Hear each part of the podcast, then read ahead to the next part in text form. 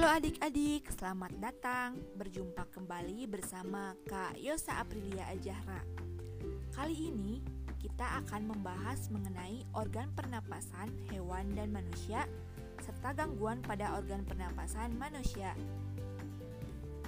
Apakah semua makhluk hidup itu membutuhkan oksigen? Ya, semua makhluk hidup membutuhkan oksigen untuk bernapas. Lalu, bagaimana proses pengambilan oksigen oleh makhluk hidup? Ya, pengambilan oksigen oleh makhluk hidup melalui sistem dan organ pernapasan pada setiap makhluk hidup. Apa saja organ-organ pernapasan pada makhluk hidup? Yuk simak penjelasan berikut. Yang pertama, sistem pernapasan pada hewan.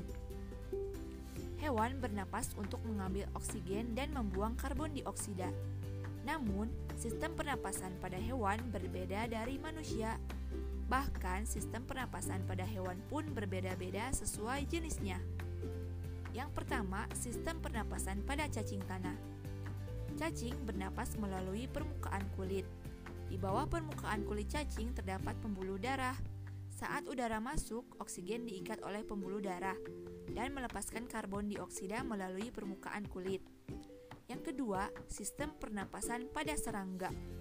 Alat pernapasan serangga berupa trakea. Trakea mengedarkan oksigen langsung ke semua sel tubuh dan organ, serta menyerap karbon dioksida dari semua sel tubuh untuk dibuang. Yang ketiga, sistem pernapasan pada ikan. Ikan bernapas dengan organ khusus mirip saringan yang disebut insang. Pada insang terdapat pembuluh darah halus. Pembuluh darah itu dapat menyerap oksigen yang terkandung dalam air dan melepaskan karbon dioksida dari darah. Yang keempat, sistem pernapasan pada hewan amfibi. Katak termasuk hewan amfibi. Saat masih kecebong, katak bernapas dengan insang. Insang kecebong terletak di luar tubuhnya. Sedangkan Katak dewasa bernapas menggunakan paru-paru dan permukaan kulit. Dalam gelembung udara, oksigen diserap dan karbon dioksida dikeluarkan. Yang kelima, sistem pernapasan pada reptil. Hewan yang termasuk reptil di antaranya ular, kadal, cicak, buaya, dan biawak. Reptil bernapas menggunakan paru-paru udara masuk melalui hidung, lalu ke batang tenggorokan, kemudian ke paru-paru. Yang keenam, sistem pernapasan pada burung. Burung menapas menggunakan sepasang paru-paru. Udara yang mengandung oksigen masuk melalui lubang hidung pada pangkal paru sebelah atas. Selanjutnya, udara masuk ke pembuluh darah udara yang disebut trakea. Dari trakea, udara sebagian masuk ke paru-paru dan sebagian lagi masuk ke kantong udara. Yang ketujuh, sistem pernapasan pada mamalia. Alat pernapasan pada mamalia darat yaitu hidung, mangkal tenggorok, batang tenggorok, dan paru-paru.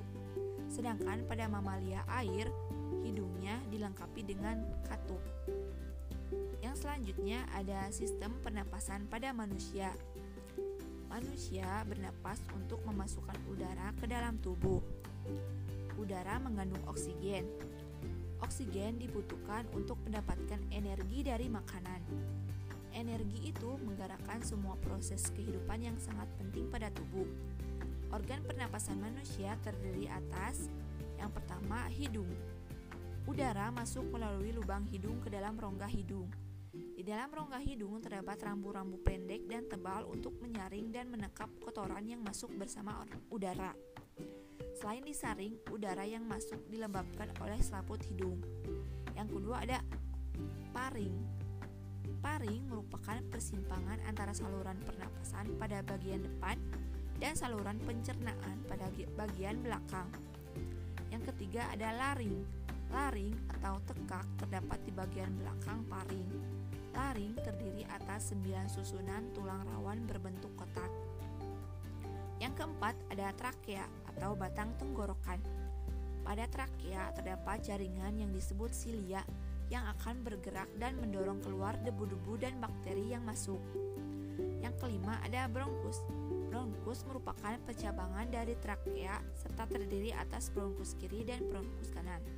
Yang ketujuh ada yang keenam ada alveolus. Alveolus terdapat di dalam paru-paru merupakan tempat terjadinya pertukaran oksigen dan karbon dioksida. Alveolus dikelilingi kapiler-kapiler darah. Alveolus berbentuk seperti buah anggur. Yang selanjutnya gangguan pada organ pernapasan manusia. Apa saja sih penyebab terjadinya gangguan pernapasan? Berikut merupakan faktor-faktor penyebab gangguan pernapasan pada manusia. Yang pertama, faktor fisik. Adanya kelainan pada organ pernapasan dapat menyebabkan gangguan pernapasan. Contohnya, ketika bayi yang prematur dan terdapat gangguan pada pernapasannya. Yang kedua, faktor penyakit. Banyak penyakit yang e, menyebabkan gangguan pada pernapasan. Misalnya influenza, asma, bronkitis, emfisema, dan kanker paru-paru. Yang ketiga, faktor lingkungan. Kita bernapas untuk menghirup oksigen, lingkungan kotor, asap kendaraan, asap pabrik, dan asap rokok mencemari udara. Udara tercemar menyebabkan ketersediaan oksigen menipis, sehingga kita merasa sesak saat bernapas. Itu tadi pembahasan mengenai organ pernapasan pada makhluk hidup. Terima kasih telah mendengarkan sampai akhir. Sampai jumpa di pertemuan selanjutnya.